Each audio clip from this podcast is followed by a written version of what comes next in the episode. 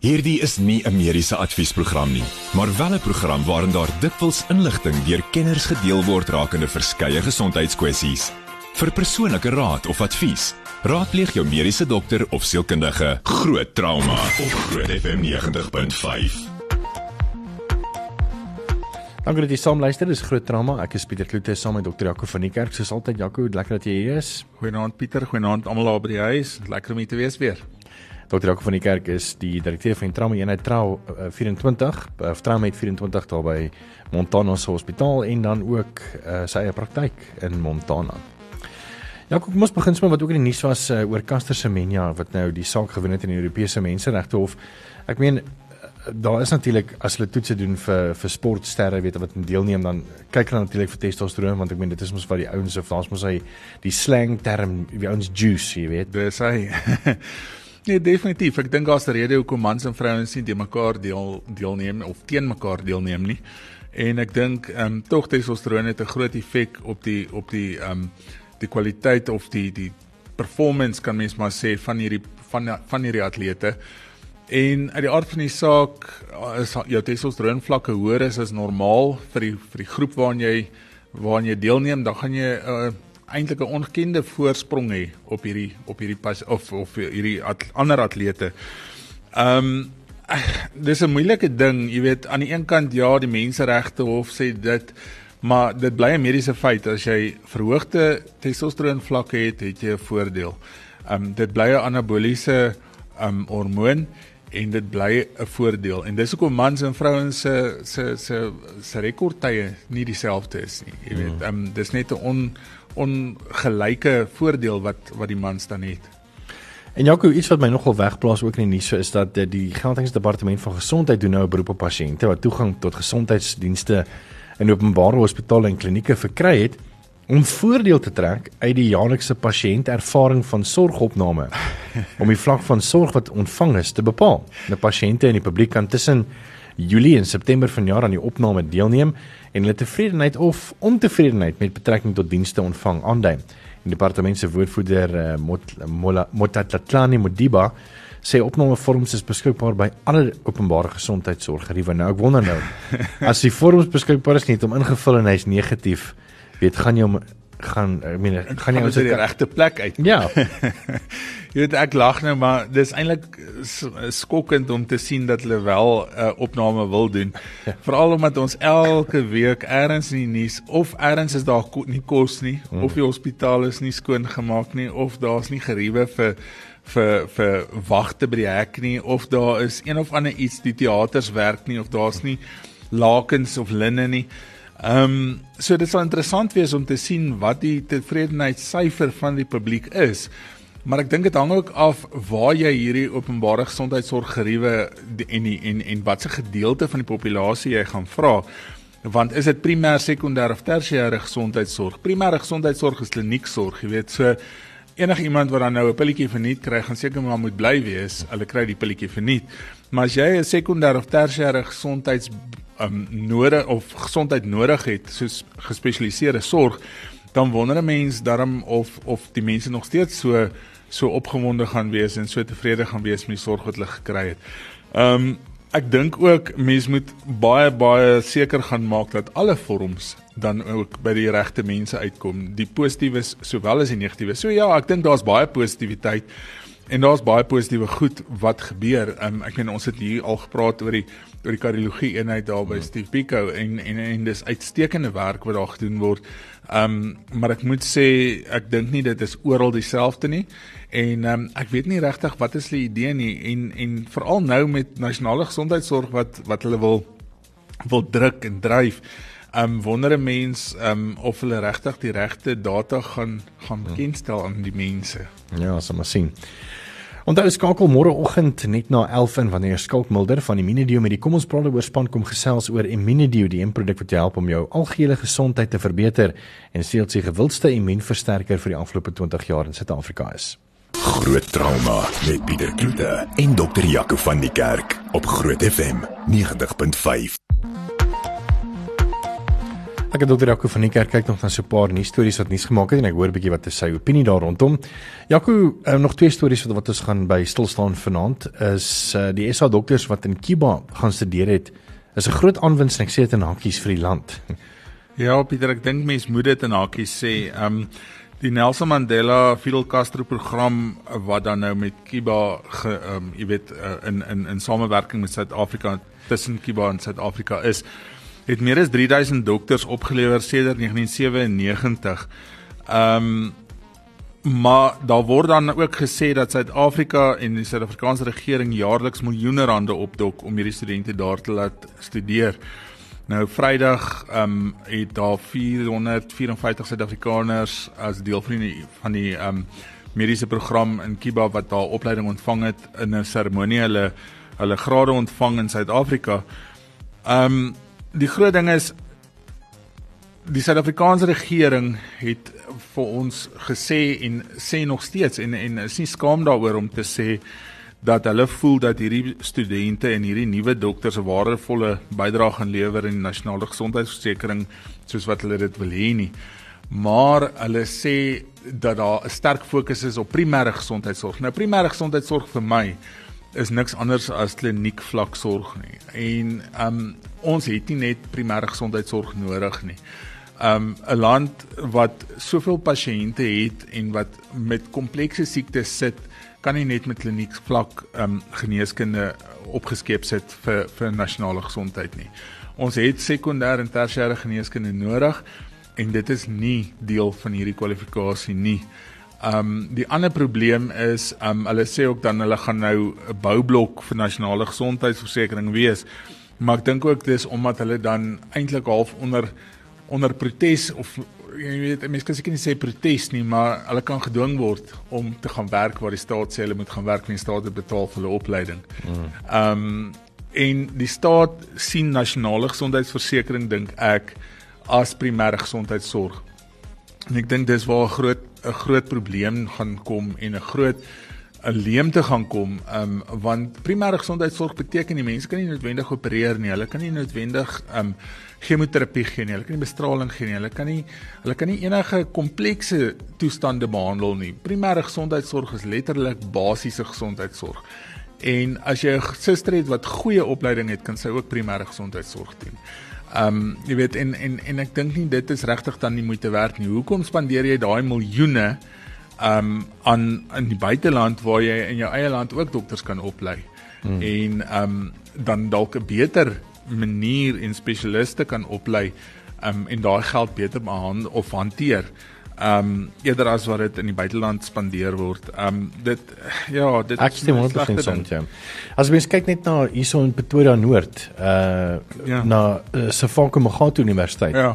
Uh wat letterlik net medies oplei uh as vakke. Hmm. En prof Emmanuel Taban ja. uh of dokter Emmanuel Taban van Midstream ja. wat nou een van die bekendste pulmonoloë is in hmm.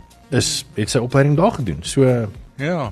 Jy weet ek ek dink ook die mense met of of die die regering moet dalk begin vergeet van die geskiedenis, jy weet want hulle hulle sê ook dis die bydrae wat Cuba gemaak het tydens die ANC se stryd teen apartheid en hulle maak dit weer 'n politieke ding en ek hmm. dink medisyne moenie 'n politieke ding wees. Daar moet geen politiek wees in medisyne nie. Daar word van alle dokters verwag om almal met gelyke waarde en met respek te behandel. Maak nie saak wat jou geslag, ras, taal of wat ook al is nie. Um en as jy dan begin mense oplei en ek wil nie sê voortrek nie, maar maar maar half bevoordeel omdat dit uit die geskiedenis uit bevoordeel word. Jy weet, um is is dit nie regtig die die die manier om te gaan nie en ek dink dit dit maak so half bietjie van 'n suursmaak in almal se mond. Die groot krisis van hierdie van hierdie Kubaanse dokters is ook taal, nê, nee, want hulle kan nie almal verstaan wat in die Suid-Afrikaanse populasie met hulle bespreek nie. En medisyne het sy eie taal. Selfs tussen tussen verskillende rasse is dit baie moeilik baie keer om iemand te konsulteer. As jy byvoorbeeld 'n psigiatriese pasiënt vat wat byvoorbeeld aan 'n simpel ding soos depressie ly, wat eintlik relatief maklik is om in 'n Afrikaans teenoor Afrikaans sprekende persoon om agter te kom uit dit wat hy sê, is dit baie moeilik tussen byvoorbeeld 'n Afrikaans sprekende en 'n Sotho of 'n Zulu persoon om dit agter te kom. En dis al klare taalprobleem. 'n Medikubaanse dokters is net 'n groter taalprobleem en dit maak dat 'n mens groot klomp misdiagnoses het en 'n groot klomp um misverstande tussen pasiënt en dokter en ek dink dit maak 'n groot krisis.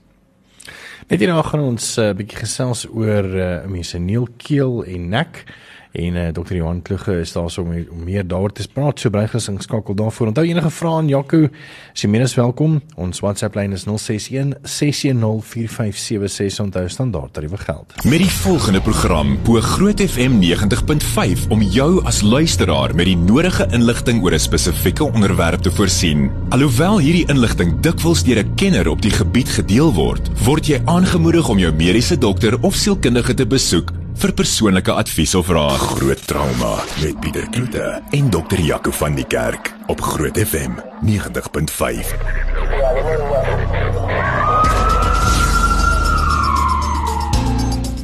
Welkom terug. Saam met Atlees Dr. Johan Kloeke. Ek hoop ek sê sy van reg. En hy's 'n oor neus en keel spesialis hier in Pretoria in sy praktyk daar in Sintou Care. En dit is lekker om jou te hê, eh, Dr. Johan. Goeienaand, baie dankie. So vanaand praat ons 'n bietjie oor ehm um, kanker met wanneer dit kom by oor, neus en keel. Maar ja, ek dink eh, kom ons begin sommer met met ek dink daar's 'n bietjie van 'n misverstand baie keer van tussen oor, neus en keel spesialiste en ENT's nie waar nie. Nee, ek dink ek dink die groot dinge wat ek wat ek kan vra dalk is om vir die mense daar buite te verduidelik wat die verskil tussen want mense hoor baie keer gesig mond en kaak chirurg, jy hoor kop en nek chirurg, jy hoor oorneus en keel chirurg en alles is hier in die kop en nek. Wat is die verskil tussen die klomp? Hmm. Ek dink dis 'n goeie vraag en ek dink um, dis miskien goed om sommer weg te spring en dit mooi mooi te verduidelik. So kop en nek chirurgie al die jare was histories eintlik met die algemene chirurge. En as jy mooi daaroor dink, algemene chirurgie het histories alles gedoen. En so met die ontwikkeling oor die jare het ehm um, subspesialiteite ontwikkel en binne in dit het superspesialist spesialiteite ontwikkel. So kakgesig en mondchirurgie, oorneus en keelchirurgie en algemene chirurgie almal deel kop en nek chirurgie. Nou tans is kop en nek chirurgie 'n goed gevestigde subspesialiteit en is van so 'n aard dat jy nou 'n superspesialis daar superspesialisasie daarin kan doen wat wat wel bekend is.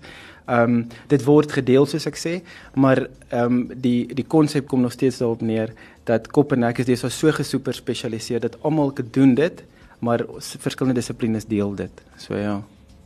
En van kop en nek chirurge, wat is die meeste siekte toestande wat hulle opereer? Is dit kankers? Is dit wat wat is die algemeenste chirurgie wat hulle doen? So ons goeie distribusie tussen benigne en maligne soos ons dit noem. Benigne soos jy soos jy self weet Jaco is um, non-kwaadaardig en dan maligne natuurlik is kwaadaardig. Um interessant, ek bedoel ons die die spektrum as ons kyk na kop en nek chirurgie verdeel ons dit in substreke. So ons ons verdeel dit in orale kaviteit. Dit beteken met ander woorde alles van die lip, um binnekant van die mond, tong tot die anterior 2/3 met ander woorde die voorste 2/3 van die tong dan orofarynx of die keelma as ek dit kan makliker sê in leuke taal dan verdeel ons dit in larynx of um, stemkas en dan um, speekselkliere. Dit met ander woorde beteken enige speekselkliere in die kop en nekgebied en natuurlik skildklier of tiroïed. So dis ons groot sub subdissiplines ek wil amper sê divisies wat ons kop en nek in verdeel.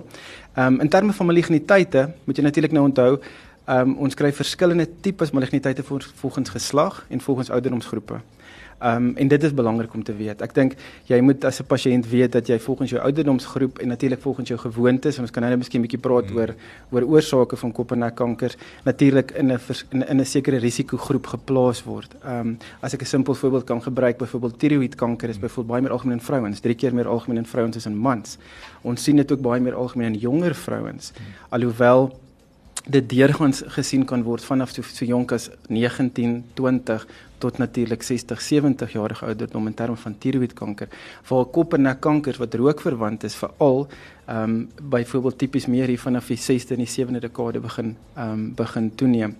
Ehm um, een belangrike ding wat ek sê is wat ek graag wil noem is, is dat ons veral deesdae sien dat um, met vaping Ehm um, en daar's 'n bietjie van 'n ons kan miskien daaroor ek sou graag jou opinie wil hoor al jy wat in ongevalle werk dat vaping veral byvoorbeeld word ehm um, interpreteer as nie 'n risikofaktor vir kanker nie wat glad nie waar is nie. So ja. Ons gaan definitief 'n bietjie later daaroor gesels. Mm. Dis eers tyd vir 'n mediese minuut. Ja, ons gaan nou meer praat oor die oorsake van van kankers van die kop en nek. Maar ehm um, almal weet nou en ons het nou genoem ook rook is een van die groot oorsake. Maar min mense dink ook aan alkohol wat 'n uh, 'n groot oorsaak is en eksponensieel is dit al hoe of werk dit eintlik saam met rook om jou risiko vir kop en nek kanker te verhoog en as mense gaan lees daaroor dan sal mens sien daar's tot 'n 35 keer verhoogde risiko om kop en nek of kanker te ontwikkel as jy alkohol um misbruik of oorgebruik. Um saam met 10 sigarette 'n dag rook. En meeste mense wat rook rook meer as 10 sigarette 'n dag. Um alhoewel hulle dit nie altyd herken nie. Groot trauma op Groot FM 90.5 Welkom terug. Ek is Pieter saam met Dr. Jaco van die kerk en ook Dr. Johan Kloeke en ons gesels bietjie aan hyse oor neus en keel spesialis. Ons gesels bietjie oor oor kanker en deel dit mense nie eintlik altyd van hoor nie. Jy weet mense hoor nou baie in die nuus oor borskanker of testikulêre kanker en die meer. En um, ons het dan nou kinders om bietjie te kom help om bietjie meer oor uh, kop en nek kanker uh te kom gesels en ehm um, Johan jy is ook betrokke by die internasionale vereniging van kop en nek onkologie wat ook nou al reeds 'n organisasie is wat nou van 1985 af al bestaan. En jy wil bietjie ook help vir bietjie meer bewusmaking ehm um, hier in Suid-Afrika oor kop en nek kanker. Ja, en ek en ek dink dis 'n ideale geleentheid miskien om ehm um, bietjie bewusmaking te te beklemtoon. So die 27ste Julie ehm um, is word beskou as internasionale kop en nek kankerdag. Dit is ehm um, dit is geïnisieer deur die internasionale vereniging van kop en nek onkologie. Ehm um, miskien 'n bietjie agtergrond oor die internasionale of sogenaamde Engels as ek mag op groot FM is IFNOS staan vir International Federation of Neck Oncological Societies. So soos jy reg sê, begin in 1985 en tans interessant is dit die grootste onkologiese vereniging internasionaal, boonbehalwe borskanker, longkanker, ehm um, kolon ensovoorts. So ons is internasionaal ehm um, behoort die Suid-Afrikaanse kop en nek onkologie vereniging ook aan IFNOS um, of die internasionale vereniging. Hulle bestaan tans uit 70 ehm um, verenigings ehm um, oor 58 lande. So is 'n groot vereniging en hulle hulle hele doelwit is bewusmaking van kop en nek kankers, hantering ehm um, en en selfs in terme van uh, van opleiding, hulle speel 'n baie groot groot rol in opleiding. Ehm um, so so ek dink die die konsep is dat hulle het hulle hulle het 27 Julie geïdentifiseer as 'n as 'n as 'n wêreld internasionale dag van bewuswording en ek wil hê dit wil dit sal lekker wees as dit tipies net kan oorbring aan ons ons luisteraars in terme van van ehm um, van van simptome, wanneer moet jy bekommerd wees? Wat kan ons doen? Ek bedoel, kanker is altyd sleg as mense dit hoor en ek wil niemand van ons wil dit hoor nie. Ons hoor deesdae al hoe meer en meer van jonger mense wat kanker kry, wat ons miskien oor kan later bietjie praat want ons het baie goeie redes daarvoor. Maar maar kanker is genees is geneesbaar. Dit gaan alles net oor hoe vroeg jy dit optel en hoe vinnig jy dit diagnoseer met ander woorde, ehm um, en dan natuurlik hantering.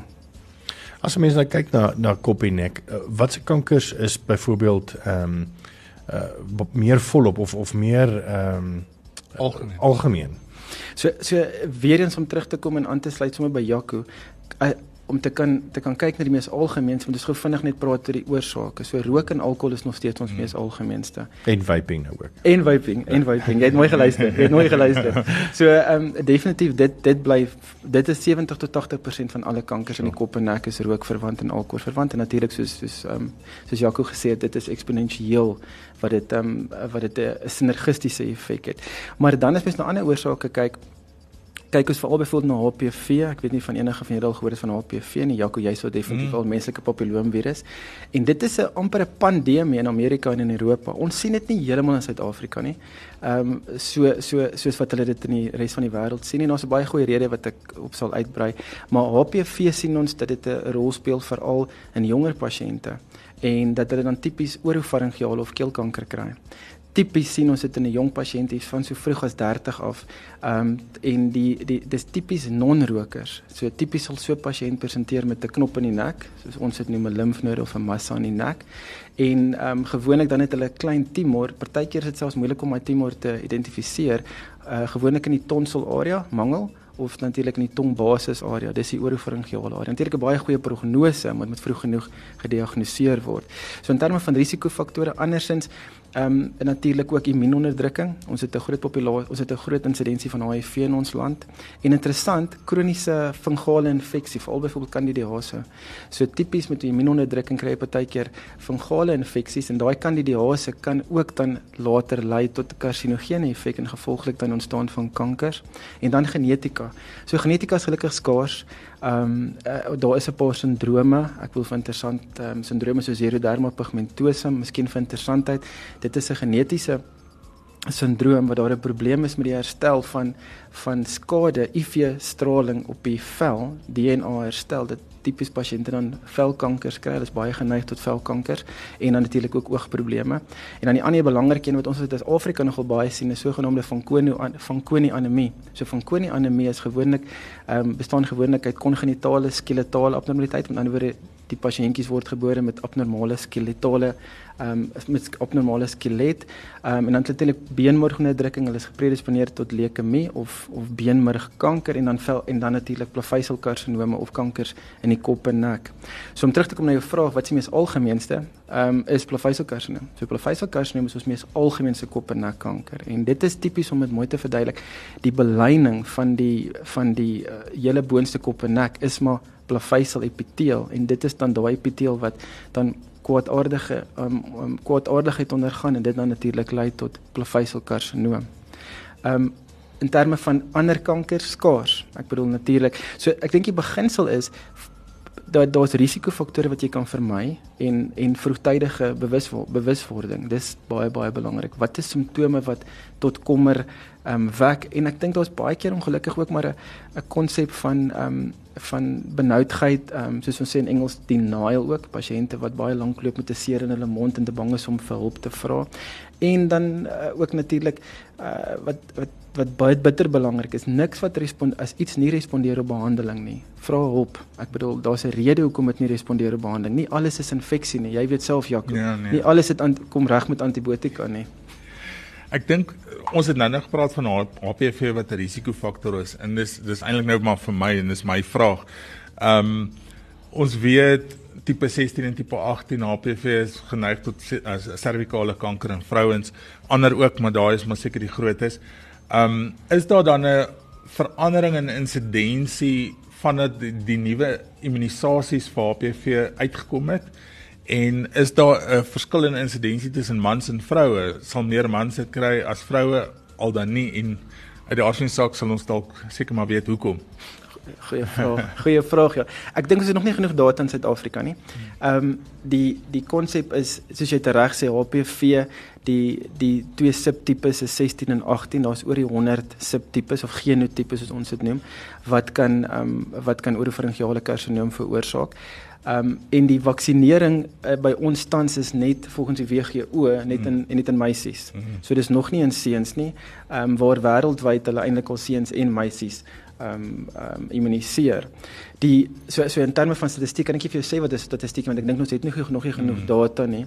Miskien as ek net bietjie kan uitbrei oor HPV. Ehm um, en dis nou so 'n bietjie van 'n sensitiewe punt, maar partykeer moet mens ongelukkig die die gesprek aanraak en jy moet dit eerder sê soos wat dit is.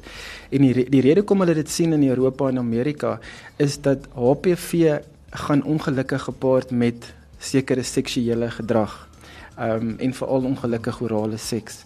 So die konsep wat dit op neerkom is is dat dat blootstelling op 'n voortdurende basis en veral met veelvuldige seksuele ehm um, vennote ehm um, lei dan tot 'n insidensie van oropharyngeale karsinoom. En dis nou waar Jaco Jaco nou natuurlik verwys na dat immunisering teen die HPV in die hoop dat ehm um, dit die insidensie sal laat afneem. Ehm um, daar was natuurlik as jy mooi gaan kyk um, in terme van vaksinering is dit dan gemik op daai spesifieke virusse en en en soos ek sê dis deel heidaglik van ons van ons um, vaksineringsskedule. Ehm um, as jy my vra dink ek is meisies en seuns moet mhm. gevaksinereer word. Ehm um, definitief. En dan ehm uh, en bewuswording.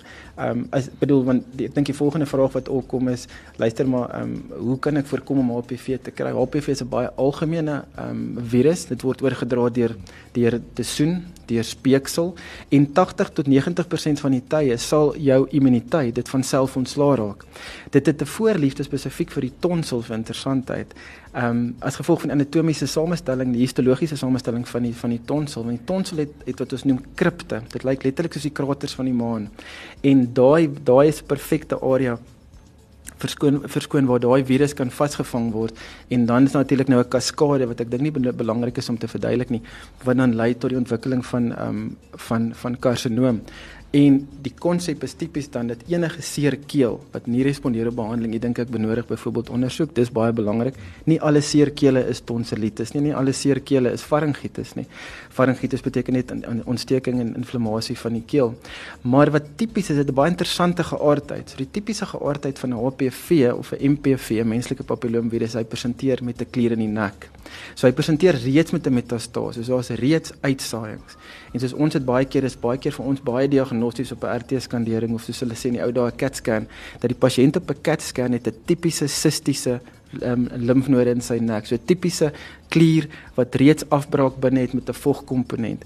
Bygesê, uitstekende prognose as dit vroeg gediagnoseer word, ehm um, ehm um, kan is jou genesing is jou genesing meer as 90%. Interessant, die behandeling daarvan is nie chirurgie nie, waar ek nou-nou gesê het dat ehm um, 90% van alle kop en nek kankers is eintlik chirurgie, is HPV eintlik chemoradiasie en in ter partykeer net bestraling. Chirurgie het 'n plek, maar 'n kleiner plek afhangende van die persentering en dis nou waar robotchirurgie in Amerika is. Ons het nog nie robotchirurgie in Amerika nie, maar hulle doen robotchirurgie om dan daai klein kankers in die tons tongbasis te gaan verwyder um, met baie keer dan 'n nekte seksie by. Um, maar in Suid-Afrika nog het ons dit nog nie, maar chemoradiasie het uitstekende uitstekende resultaat vir pasiënte met MPV of HPV tumore. Net en nog eens kyk na simptome en ook behandeling, so bly gerus geskakel. Groot trauma met Pieter Kloete en dokter Jaco van die Kerk op Groot FM 90.5.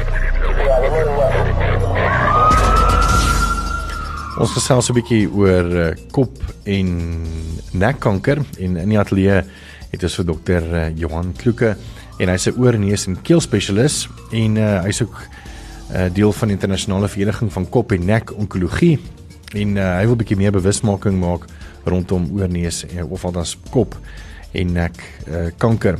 Ons het 'n bietjie gepraat oor die oorsake, Johan. Kom ons praat 'n bietjie oor simptome en dan behandeling. Ek dink dis ek dink dis mees waarskynlik waar waar ons moet gesels. So uiteindelik kom ons by daai vraag. Ehm um, en die die die simptome hang direk af natuurlik van waar dit begin, né? En dis ook ek nou net so vinnig verduidelik het wat is jou sip eenhede wat ons eintlik met kop en nek kan verdeel. Ehm um, so kom ons gebruik en ons hardloop sommer van voor na agter toe en dan gaan ons so deur die simptome. So tipies kom ons kyk na die orale kaviteit of mond. Hmm. So enige seer, soos ek nou-nou vinnig aangeraak het wat nie respondeer op behandeling ehm um, is gewoonlik vir ons iets wat met ondersoek instel word. Weereens, gemoedsrus, nie alles wat seer is is kanker nie. Hmm. Ehm um, so ek dink dis die eerste ding. So enige seer wat nie op behandeling respondeer nie deur die algemene praktisyn moet verwys word dink ek vir spesialis opinie. Dit natuurlik by ons gewoonlik by opsie ehm um, afhangende van wat die kliniese voorkoms is. Ehm um, as jy kyk na die die die die die mond agtertoe, as ons agtertoe gaan, uh, oorofarings of keel, seer seer keel. So enige seer keel weer eens wat nie respondeer nie, oorpyn, mens moet nie oorpyn onderskat nie.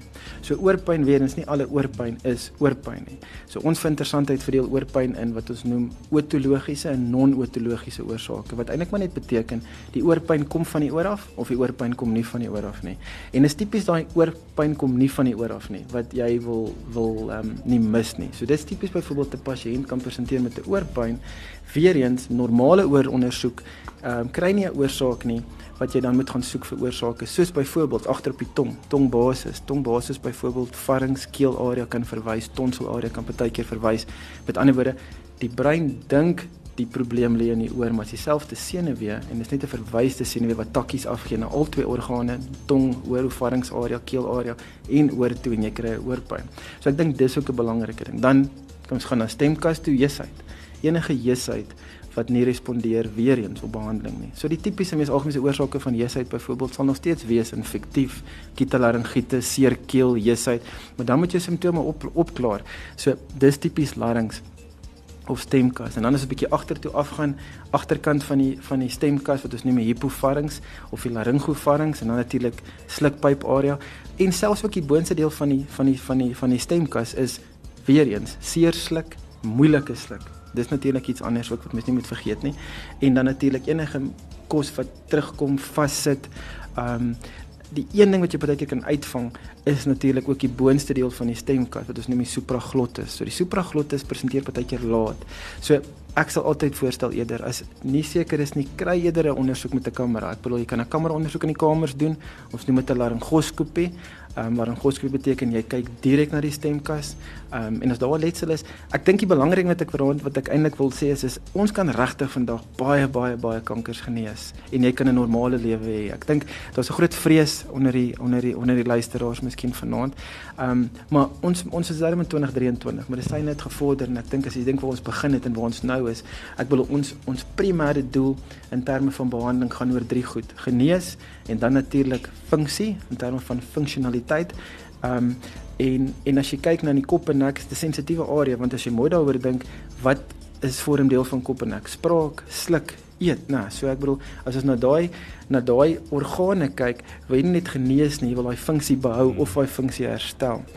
En dan dink ek as ons bietjie eh, wegbeweeg, enige enige letsel op die op die vel wat nie genees weer eens nie, is seer um, of 'n hiperpigmenteerde letsel Jaco ek dink julle mm. julle julle jy kan lekker saam praat daar ons Suid-Afrika ons het 'n ons het 'n sonnige land presies ons het 'n sonnige land so weer eens musies mm. belangrik of enige hiperpigmenteerde letsel of natuurlik mense wat sonblootstelling het. Ek bedoel dit baie belangrik en dan natuurlik ehm um, as jy kyk na skildklier. Skildklier, die mees algemeenste is gewoonlik is geswel.